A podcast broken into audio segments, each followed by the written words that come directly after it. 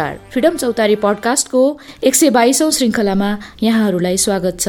आजको श्रृङ्खलामा म नानुमैया खड्का र म सुरज राय। हामी फ्रिडम फोरमले हालै प्रकाशन गरेको एउटा नीति विश्लेषण पत्रमा चर्चा गर्नेछौँ। यस नीति विश्लेषण पत्रको शीर्षक छ सूचना प्रविधिको सम्बन्धमा व्यवस्था गर्न बनेको विधेयक सूचना प्रविधि विधेयक। र यस विश्लेषण पत्रले समग्रमा सूचना प्रविधि विधेयकमा के कस्ता संशोधनहरूको जरुरी छ र यस विधेयकमा के कस्ता आपत्तिजनक प्रावधानहरू समेटिएको छ भन्ने विषयमा छलफल गरिरहेको छ।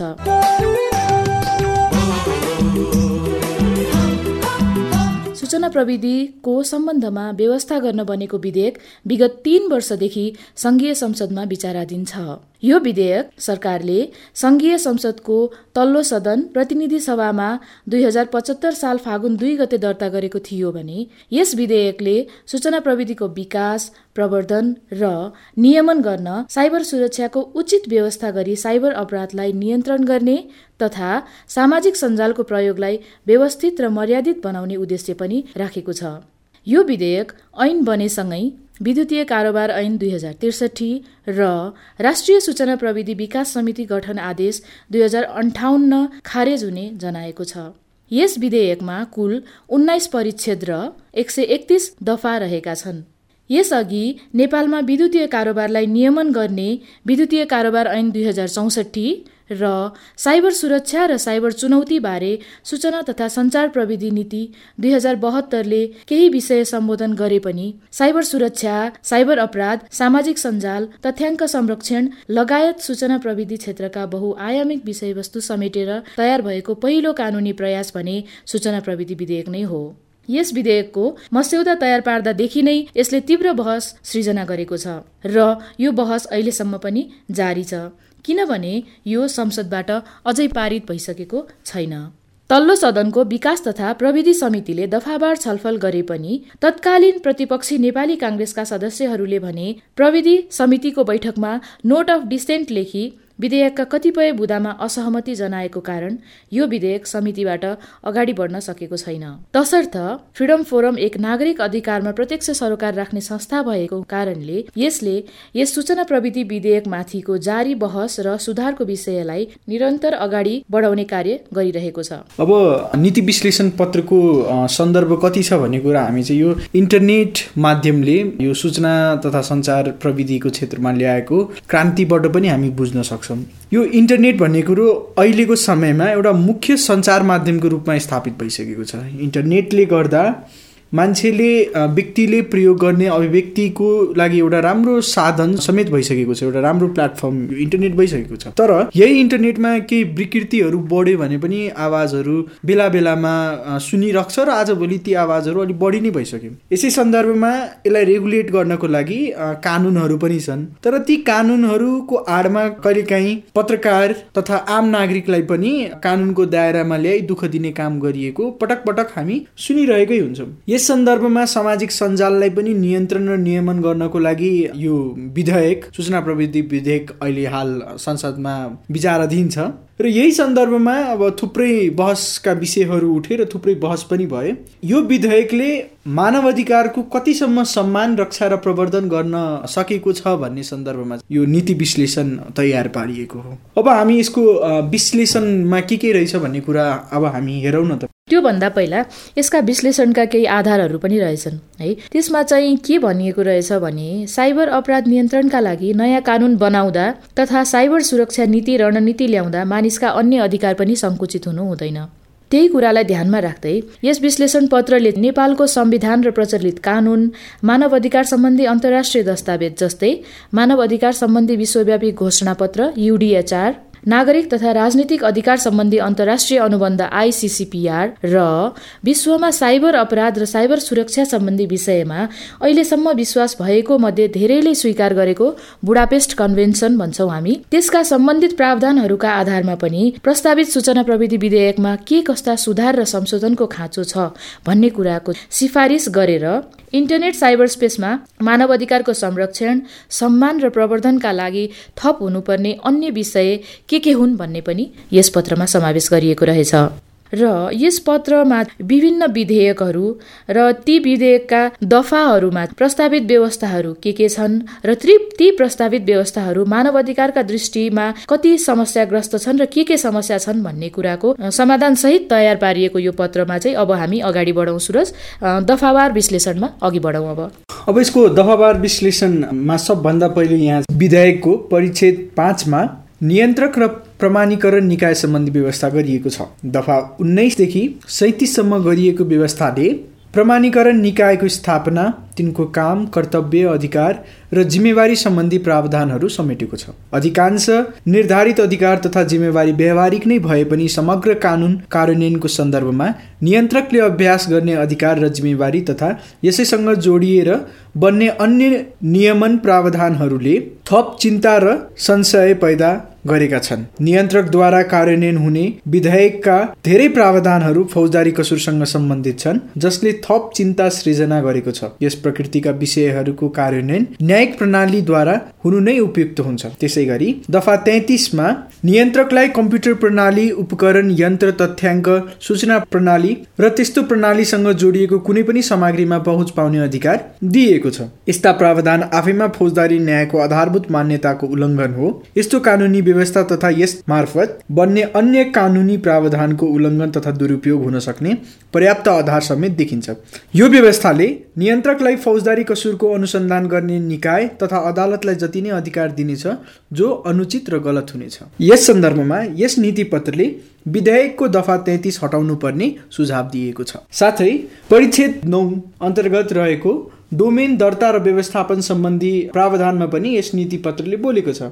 विधेयकको दफा अन्ठाउन्नले कुनै व्यक्ति वा संस्थाले डट एनपी डोमेन नाम दर्ता गराउन नेपाल सरकारले नेपाल राजपत्रमा सूचना प्रकाशित गरी तोकेको संस्थामा तोके बमोजिम दस्तुर बुझाइ दर्ता गर्नुपर्ने प्रावधान गरिएको छ?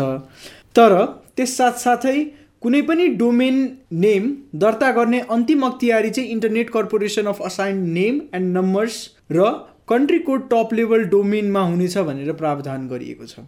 तसर्थ यो प्रावधान चाहिँ अस्पष्ट रहेको छ र यसलाई संशोधन गर्नुपर्छ भन्ने कुरा यो नीति पत्रले सुझाव दिएको छ।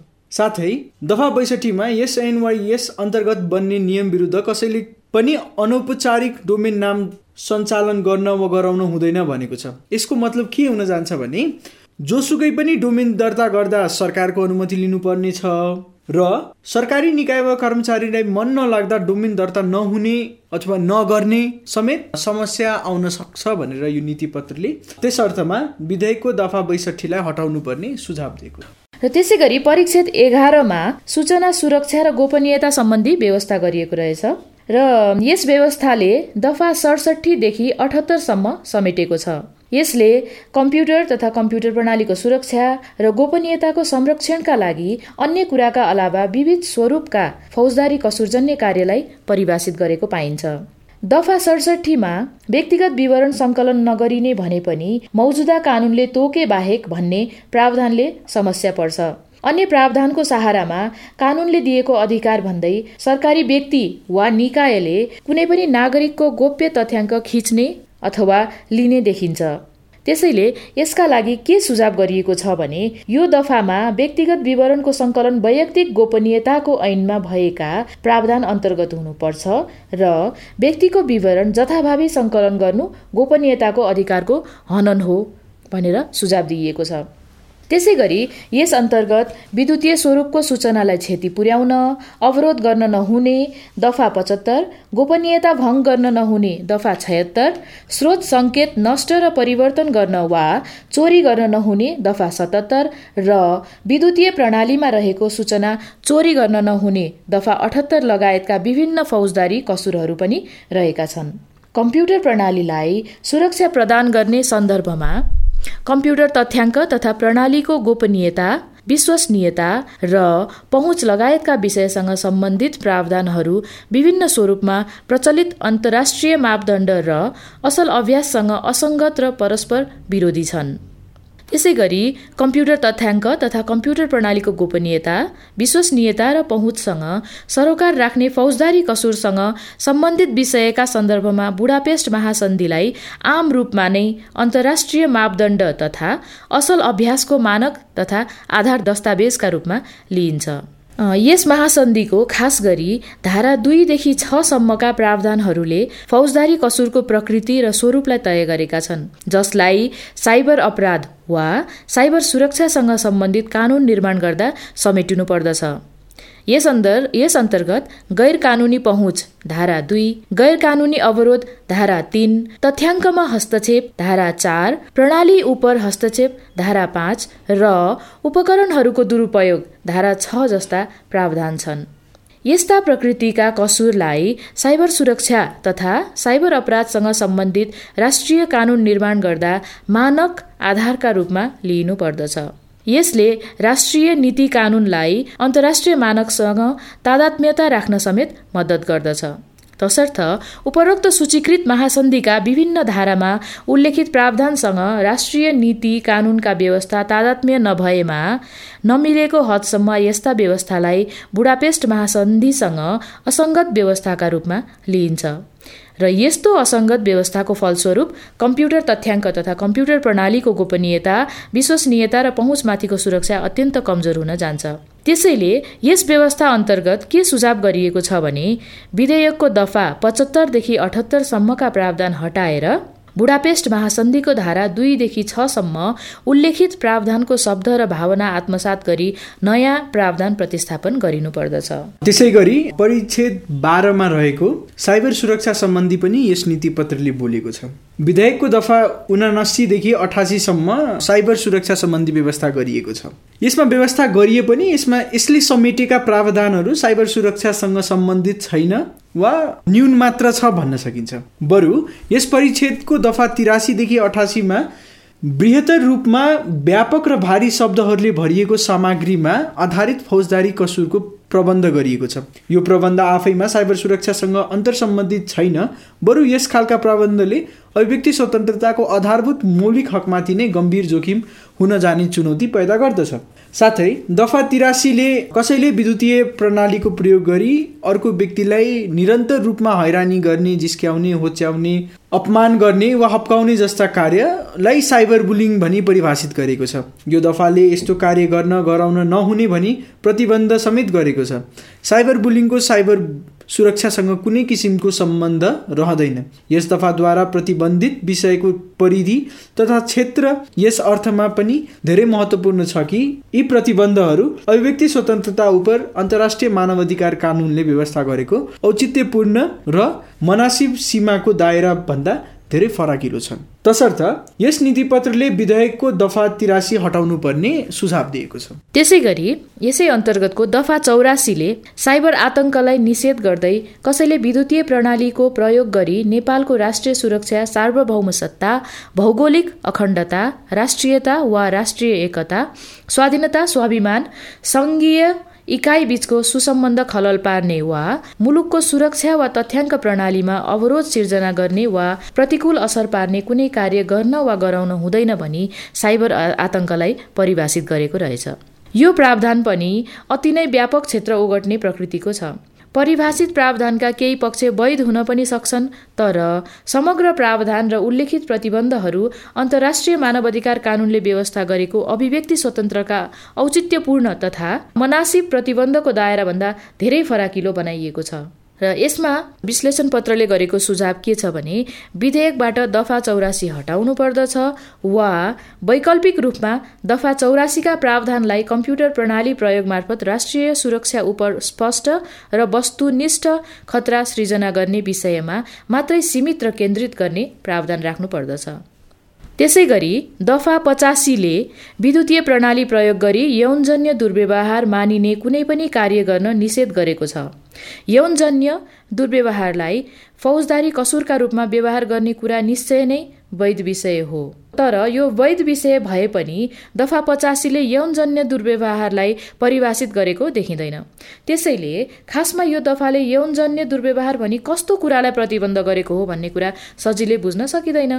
यस अलावा सामान्य रूपमा हुने यौनजन्य दुर्व्यवहार भन्दा विद्युतीय प्रणाली प्रयोग मार्फत हुने यौनजन्य दुर्व्यवहारलाई किन फरक अपराधका रूपमा व्यवस्था गरियो त भन्ने पक्ष समेत प्रष्ट छैन। जे भए पनि यस्तो दुर्व्यवहारको घटना कसरी घटित भएको छ भन्ने पक्ष अत्यावश्यक हो। त्यसैले यसमा सुझाव छ दफा पचासी विधेयकबाट हटाइनु पर्दछ र विद्यमान फौजदारी संहितामा भएको यौनजन्य दुर्व्यवहार सम्बन्धी प्रावधानले विद्युतीय माध्यमको प्रयोग गरी हुने यौनजन्य दुर्व्यवहारलाई समेटेको छ। यो विधेयकको दफा छ्यासीमा पनि त्यस्तै प्रकृतिको प्रावधान छ। दफा छ्यासीले अश्लील सामग्री उत्पादन सङ्कलन वितरण प्रकाशन प्रदर्शन प्रसार र खरिद बिक्री गर्न नहुने व्यवस्था गरेको छ। यसै दफाले कुनै अनुसन्धान कानुन कार्यान्वयन अध्यापन वा चिकित्सकीय प्रयोजनको लागि उपरोक्त उल्लेखित प्रावधानको अपवाद समेत समावेश गरेको छ। तर यस्ता अपवाद अन्तर्गत प्रयोग हुने सामग्रीहरू बाल यौनजन्य सामग्री मात्र हुनुपर्ने छ। यसरी बृहत्तर रूपमा सबै किसिमको यौनजन्य सामग्रीमाथि प्रतिबन्ध लगाउने कुरा अन्तर्राष्ट्रिय मानव अधिकार कानुनले व्यवस्था गरेको अभिव्यक्ति स्वतन्त्रताका प्रावधानसँग असङ्गत देखिन्छ। बरु यो कुरालाई बाल यौनजन्य दुर्व्यवहारसँग सम्बन्धित सामग्री मात्र केन्द्रित गरी बुढापेस्ट महासन्धिको धारा नौसँग तादात्मय तथा अनुकूल बनाउनु पर्दछ। यस अर्थमा यस नीति पत्रले दफा छ्यासीलाई सबै किसिमको यौनजन्य सामग्रीमाथि प्रतिबन्ध लगाउने कुराको साटो बाल यौनजन्य दुर्व्यवहारसँग सम्बन्धित सामग्रीसँग मात्र केन्द्रित गरी बुढापेस्ट महासन्धिको धारा नौसँग अनुकूल रहने गरी संशोधन गर्नुपर्छ भन्ने सुझाव दिएको छ। त्यसपछि यहाँ दफा सतासी मेन्सन गरिएको रहेछ। दफा सतासीले विद्युतीय प्रणालीको उपयोग गरेर कसैलाई यौन शोषण गर्ने वा ठगी गर्ने वा अरू कुनै गैर कानुनी कार्य गर्ने मनसाय राखी कुनै प्रस्ताव राख्न प्रलोभनमा पार्न भेट्न वा कुनै गैर कानुनी गतिविधिमा लाग्न उक्साउन वा सोका लागि कुनै अनलाइन सम्बन्ध स्थापित गर्न प्रस्ताव गर्न प्रतिबन्ध गरेको छ। यौन शोषणसँग सम्बद्ध गतिविधिलाई फौजदारी कसुरका रूपमा परिभाषित गर्ने काम निश्चय नै वैध हो। तर फौजदारी अपराध संहितामा भएका विद्यमान फौजदारी कसुरमा दुवै अनलाइन तथा अफलाइन स्वरूपमा हुने यौन शोषणलाई कसुरजन्य कार्यका रूपमा व्यवस्था नगरेर किन पूर्ण त अलग्गै कसुरका अलग्गै कसुरमा यो व्यवस्था गर्नु पर्यो भन्ने विषय प्रश्न छैन। ठगी शब्दले कस्तो अर्थ दिन्छ भन्ने पनि अस्पष्ट छ। र यसले फौजदारी कसुरमा दुविधा र सम्भावित दोहोरा दोहोरोपनाको जोखिम निम्त्याउँछ।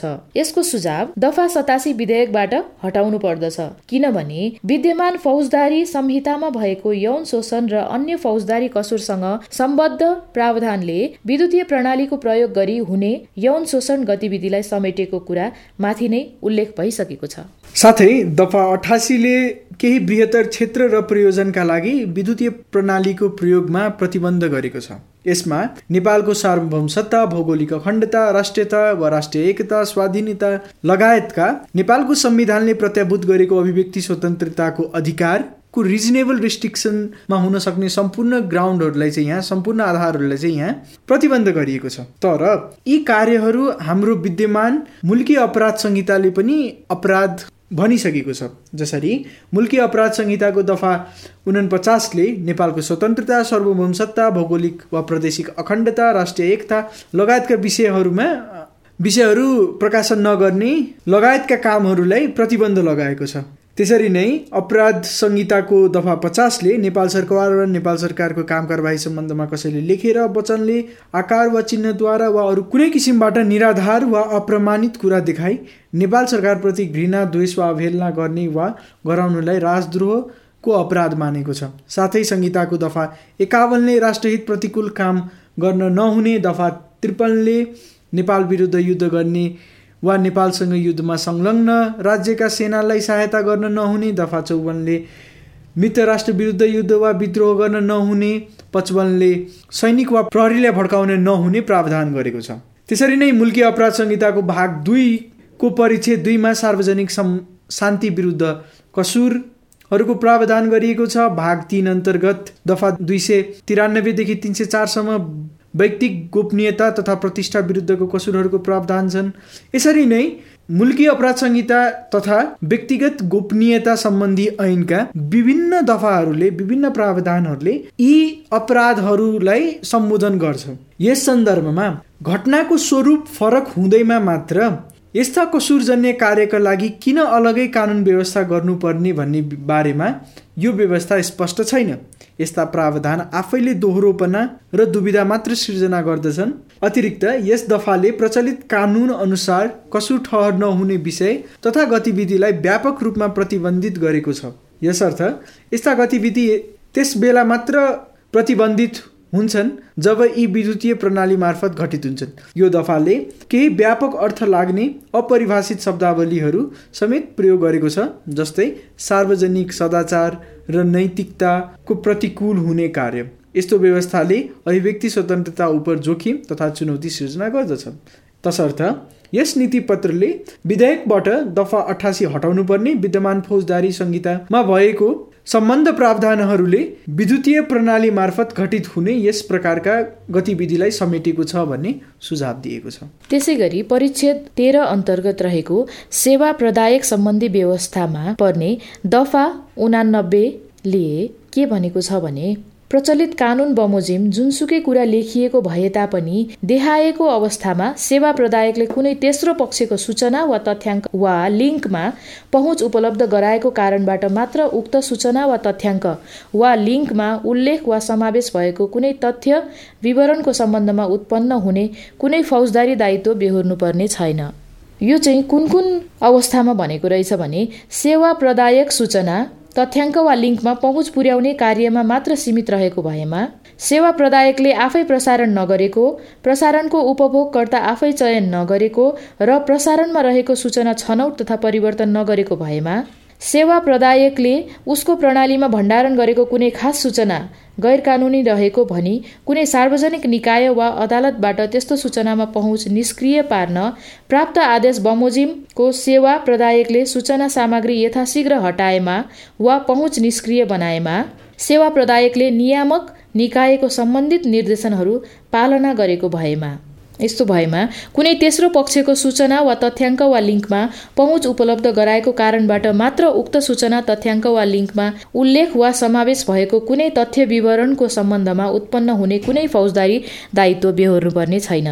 तर कुनै सूचना तथ्याङ्क वा लिङ्कमा उल्लेख वा समावेश भएको कुनै तथ्य वा विवरणले प्रचलित कानुनको उल्लङ्घन गरेमा जानाजानी वा कुनै गैर कानुनी कार्य गर्न सेवा प्रदायक आफैले दुरुत्साहन वा सहयोग गरेमा सेवा प्रदायक आफ्नो दायित्वबाट मुक्त हुने छैन। यहाँ प्रयोग भएको प्रतिबन्धात्मक व्यवस्था मुख्य प्रावधानको विपरीत हुने भएकाले प्रतिबन्धात्मक वाक्यांशलाई सच्याउनु जरुरी छ। यसलाई यसरी पनि भन्न सकिन्छ कि माथि उल्लेख गरिएका अवस्था बाहेकको अवस्थामा यस ऐन तथा यस ऐन बमोजिम बनेको नियम विपरीत हुने गरी कुनै सूचना तथ्याङ्क वा लिङ्क वा विवरणले प्रचलित कानुनको उल्लङ्घन गरेमा वा कुनै गैर कानुनी कार्य गर्न सेवा प्रदायक आफैले दुरुत्साहन वा सहयोग गरेमा सेवा प्रदायक आफ्नो दायित्वबाट मुक्त हुने छैन। र यसमा सुझाव विधेयकको दफा उनानब्बे सेवा प्रदायकलाई सहजै उत्तरदायी बनाउने व्यवस्थालाई सुधार गरी संशोधन गरिनु पर्दछ। त्यसै गरी परिच्छेद चौधमा सामाजिक सञ्जाल सम्बन्धी व्यवस्था गरिएको छ। विधेयकका दफा बिरानब्बेदेखि चौरानब्बेसम्मका प्रावधानहरूले सामाजिक सञ्जालसँग सम्बन्धित नियमहरू बनाएको छ। दफा एकानब्बे अनुसार नेपालमा सामाजिक सञ्जाल सञ्चालन गर्न चाहेमा सूचना प्रविधि विभागमा अनिवार्य दर्ता गर्नुपर्ने छ। दफा बिरानब्बेले विभागलाई सामाजिक सञ्जालमा सम्प्रेषित। यस विधेयक बमोजिम कसुर हुने कुनै पनि वस्तु हटाउन निर्देशन दिन सक्ने अधिकार दिएको छ। साथै दफा चौरानब्बेले सामाजिक सञ्जाल प्रयोगसँग सम्बन्धित विभिन्न प्रकारका फौजदारी कसुरहरूको समेत व्यवस्था गरेको छ। जब माथि उल्लेखित कसुर घटित हुन्छ। त्यसपछि दफा चौरानब्बेले विभागलाई सक्रिय गराई सामाजिक सञ्जाल सञ्चालकलाई तत्काल त्यस्ता सामग्री हटाउन निर्देशन दिन्छ। उल्लेखित दफागत प्रावधानले मानव अधिकारको दृष्टिमा चासो र चिन्ता उत्पन्न गरेको छ। दफा एकानब्बे बमोजिम सामाजिक सञ्जाल सरकारी निकायमा दर्ताको आवश्यकता? विशेषतः नेपाल सरकारमा रहेको सामाजिक सञ्जालको नियमन गर्ने र आवश्यक परे तिनलाई बन्द गर्ने समेत व्यापक अधिकार लगायतका प्रावधानले अभिव्यक्ति स्वतन्त्रताको अधिकारमा गम्भीर जोखिम तथा चुनौती खडा गरेको छ। किन यति धेरै अधिकार आवश्यक पर्यो वा सरकार यति धेरै शक्तिका साथ कस्तो खालको क्षतिलाई तत्काल रोक्न चाहन्छ भन्ने विषय भने अनुत्तरित र स्पष्ट छ। यस सन्दर्भमा नीति पत्रले विधेयकको दफा एकानब्बेलाई हटाउनु पर्ने सुझाव दिन्छ। त्यसै गरी यहाँ दफा बयानब्बेका सन्दर्भमा हेर्दा फौजदारी कसुर सिर्जना गर्ने खालका सामग्री सामाजिक सञ्जाल प्लेटफर्मबाट हटाउनु पर्ने आवश्यकता पर्न सक्छ। यो औचित्यपूर्ण नै देखिन्छ। तर यस्तो प्रबन्धलाई कानुनमा समेट्दा फौजदारी कसुर कायम हुने विषयलाई अन्तर्राष्ट्रिय मानवाधिकारका मापदण्डसँग अनुकूल हुने गरी व्यवस्था गरिनु पर्दछ विषय र सन्दर्भ जे भए पनि सबैभन्दा महत्वपूर्ण पक्ष यो हो कि कुनै विषय वा कुरा कसुरजन्य वा गैर कानुनी हो वा होइन भन्ने प्रश्नको निरूपण स्वतन्त्र न्यायिक न्याय निकायबाट हुनुपर्दछ। सरकार वा सरकारी निकायबाट ठाडै गर्ने होइन। त्यसैले यस पत्रले के सुझाव गरेको छ भने सामाजिक सञ्जालमा सम्प्रेषित जुनसुकै सामग्रीले पनि फौजदारी कसुर सिर्जना गरेको हो होइन भन्ने कुराको निरूपण गर्ने र त्यस्तो सामग्री हटाउनु पर्ने भए हटाउन आदेश दिने स्वतन्त्र न्यायिक निकाय मात्र हुनुपर्छ जस्तै अदालत। दफा बयानब्बेलाई यो प्रावधानसहित संशोधन गरिनु पर्दछ। त्यसै गरी अन्त्यमा दफा चौरानब्बेले पनि विधेयकको परिच्छेद बाह्रका अन्य दफामा भएका अधिकांश प्रावधानलाई नै दोहोऱ्याएको छ। त्यसैले माथि उल्लेख गरिएकै कारण का आधारमा यो दफालाई पनि हटाउनु पर्दछ भन्ने सुझाव यस पत्रले गरेको छ। र समग्रमा परिच्छेद चौधमा भएको दफा एकानब्बेदेखि चौरानब्बेसम्मको सामाजिक सञ्जाल सम्बन्धी व्यवस्था मूलत नागरिकको सामाजिक सञ्जालका विभिन्न प्लेटफर्म मार्फत हुने अभिव्यक्तिलाई नियन्त्रण गर्ने मनसायबाट ग्रसित देखिन्छ। र यहाँ दिन सक्ने रोक लगाउने तथा यहाँ पनि अभिव्यक्तिको संवैधानिक सीमालाई फराकिलो बनाउने गरी प्रावधान राखिएको प्रष्ट छ। सामाजिक सञ्जाल मार्फत हुन सक्ने कसुर पनि अन्य प्लेटफर्ममा हुने कसुर जस्तै हुने भएकाले गाली बेइजती राजद्रोह राज्य विरुद्धको कसुर गोपनीयता लगायतका विशिष्टकृत कानुन तथा फौजदारी संहिता लगायतले यस विषयमा छुट्टै व्यवस्था गरेकाले यहाँ राख्नु जरुरी छैन। तसर्थ विधेयकको दफा चौरानब्बे पनि हटाउनुपर्छ भन्ने सुझाव यस पत्रले दिएको छ। र अब यसपछि परिच्छेद पन्ध्र अन्तर्गत कसुर र सजायको व्यवस्थामा दफा सन्तानब्बेको कसुर गर्न दुरुत्साहन दफा अन्ठानब्बेको मतियारलाई सजाय र दफा उनान्सयको सङ्गठित संस्थाबाट भएको कसुर सम्बन्धी सजायको व्यवस्थामा इन्टरमिडिएरीलाई दफा उनानब्बेको दायित्व बाहेकमा गर्न नसकिने स्पष्ट हुनुपर्दछ। त्यसै गरी दफा सयमा प्रचलित कानुन बमोजिम सजाय गर्न बाधा नपर्ने भन्ने उल्लेख छ। त्यसमा के लेखिएको छ भने यस ऐन अन्तर्गत कसुर ठहरिने कुनै काम अन्य कुनै प्रचलित कानुन बमोजिम पनि कसुर ठहरिने रहेछ भने त्यस्तो कसुर उप छुट्टै कारवाही चलाई सजाय गर्न यस ऐनले बाधा पुर्याएको मानिने छैन। यो दफा निकै समस्या समस्याग्रस्त छ। एउटै कसुरमा दोहोरो मुद्दा लगाइनु हुँदैन। विशिष्ट कानुनले अन्य कानुनमा सजाय हुने भए पनि छुट्टै कारवाही गर्ने बाटो खुला राखेकाले यो दफा दोहोरो सजाय गर्न नहुने फौजदारी न्यायको आधारभूत मान्यता विरुद्ध छ। तसर्थ विधेयकको दफा एक सय पनि हटाउनु पर्ने सुझाव यस पत्रले दिएको छ।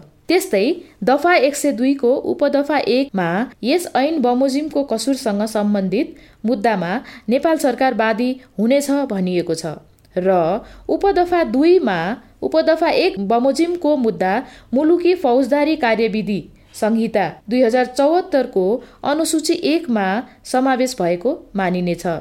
यसको अर्थ फौजदारी कसुर ठहरिने बाहेक यस ऐन बमोजिमका सबै प्रकृतिका कसुरलाई सरकारवादी फौजदारी कसुर नै हुने व्यवस्था जनाउँछ जुन गम्भीर समस्याको स्रोत बन्न सक्छ। त्यसैले विधेयकको दफा एक सय दुई पनि हटाइनु पर्दछ भन्ने सुझाव यस पत्रले दिएको छ। त्यसरी नै दफा एक सय पन्ध्रले सबै प्रदेशमा सूचना प्रविधि अदालत स्थापनाको प्रावधान राखेको छ जसले यस विधेयक अन्तर्गत भएका कसुर उप कारवाही सुरु गरी न्याय निरूपण गर्नेछ।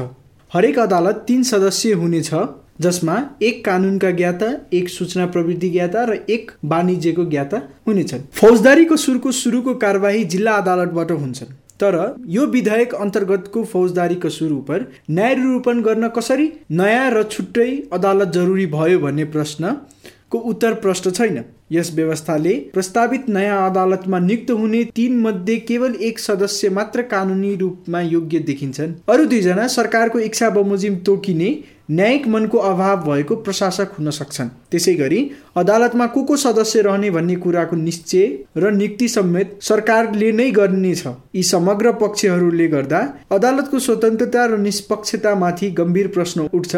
साथै बृहत्तर रूपमा यसले निष्पक्ष सुनवाईको अधिकारमाथि नै शङ्का र जोखिम पैदा गर्दछ। यस सन्दर्भमा विधेयकको दफा एक सय पन्ध्रदेखि एक सय उन्नाइससम्म हटाउनु पर्छ विधेयक अन्तर्गतका फौजदारी कसुरको सुनवाई अन्य फौजदारी कसुर जस्तै जिल्ला अदालतबाट हुनुपर्छ। साथै परिच्छेद उन्नाइसमा रहेको विविधको दफा एक सय उन्तिसमा बाधा अड्काउ फुकाउको अधिकारको व्यवस्था गरिएको छ। यस ऐनको कार्यान्वयन गर्दा कुनै बाधा अड्काउ परेमा नेपाल सरकारले सो बाधा अड्काउ फुकाउनको लागि नेपाल राजपत्रमा सूचना प्रकाशित गरी आदेश जारी गर्न सक्नेछ भनी उल्लेख छ। यस दफा संविधानवाद कानुनको शासन शक्ति सन्तुलन र नियन्त्रणको मूलभूत मान्यता विपरीत छ। साथै कार्यकारीले बाधा अड्काउको आदेश जारी गरी राजपत्रमा सूचना निकालेकै भरमा ऐनका प्रावधानलाई निष्क्रिय बनाउन सक्ने देखिन्छ। यस सन्दर्भमा विधेयकको दफा एक सय उन्तिस हटाउनु पर्ने सुझाव यस नीतिपत्रले दिएको छ। यससँगै हामी दफावार विश्लेषणको अन्त्यमा छौँ र यस विश्लेषण पत्रको अन्त्यमा यसले केही निष्कर्षहरू पनि निकालेको छ।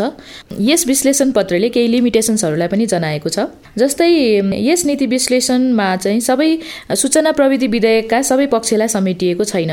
जस्तै सूचना प्रविधि क्षेत्रको व्यवसायको प्रवर्धन सञ्चालन र नियमन सूचना प्रविधिका विभिन्न सेवाहरूको विकास र नियमन तथ्याङ्क संरक्षणसँग सम्बन्धित विषयहरू यस पत्रमा समावेश गरिएका छैनन्।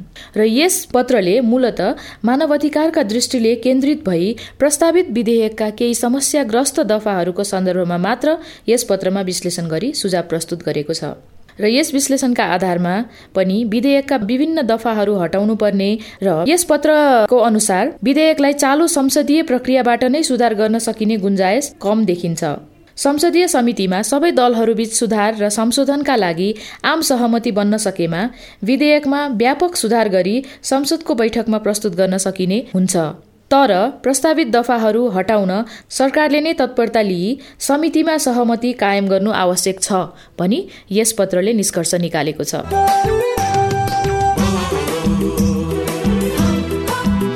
यससँगै हामी आजको पडकास्टको अन्त्यमा आइसकेका छौँ। यहाँहरूलाई हाम्रो पडकास्ट कस्तो लाग्छ आजको एपिसोड कस्तो लाग्यो कृपया आफ्नो प्रतिक्रिया फ्रिडम फोरम दुई हजार पाँच at the rate Gmail dot कममा पठाउनुहोला। अर्थात् हाम्रो फोन नम्बर जिरो एक चार दस बिस बाइसमा कल गरेर पनि भन्न सक्नुहुन्छ। फ्रिडम चौतारी पडकास्ट सुन्नुभएकोमा धेरै धन्यवाद।